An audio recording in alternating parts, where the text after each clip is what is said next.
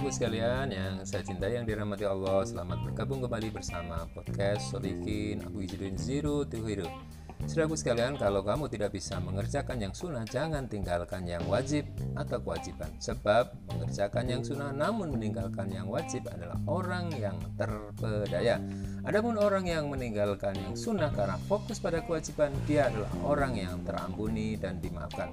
Kalau kamu tidak bisa meninggalkan yang makruh yang dibenci Allah, tinggalkanlah yang haram dan yang syubhat yang meragukan karena tak mayuribuka ila mala yuribuka. Tinggalkanlah apa yang meragukanmu kepada apa yang tidak meragukanmu.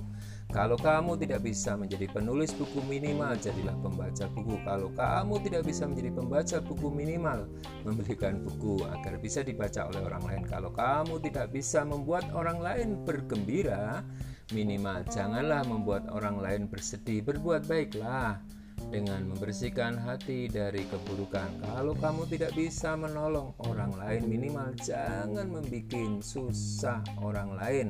Jangan bikin orang lain kerepotan, jangan suka ngeprank yang akan membuat dosa tak terbantah.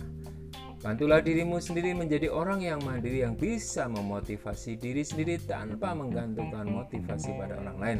Kalau kamu tidak bisa mengubah orang lain, ubahlah cara kamu menghadapi orang lain. Kalau kamu tak bisa mengubah dunia, ubahlah dirimu sendiri. Kalau kamu tak bisa mengubah negerimu, ubahlah kaummu. Kalau kamu tidak bisa mengubah kaummu, ubahlah keluargamu.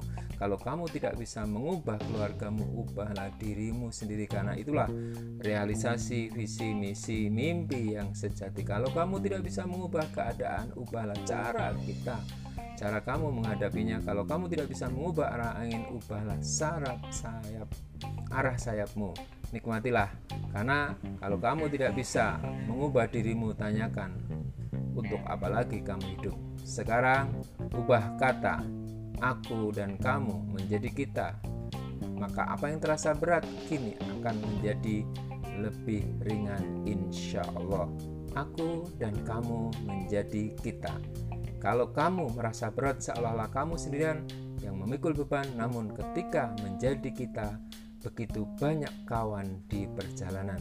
Itulah kenapa seorang mudah merasa lelah hanya karena aku dan kamu yang sama-sama atau sendiri-sendiri melangkah, namun ketika menjadi kita, maka lelah itu berubah menjadi lilah karena kita berjamaah sesuai dengan janji Allah yaitu Allah ma'al jamaah tangan Allah pertolongan Allah bersama orang yang berjamaah. Semoga inspirasi ini bisa menginspirasi kita untuk lebih ya lebih gigih untuk berubah melangkah mengubah lelah menjadi lillah inna solati wa nusuki wa mahyaya wa mamati lillahi rabbil alamin. Sesungguhnya hidup uh, salatku ibadahku hidupku dan matiku hanyalah untuk Allah Rob semesta alam.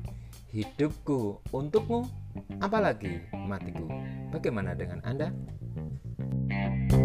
thank you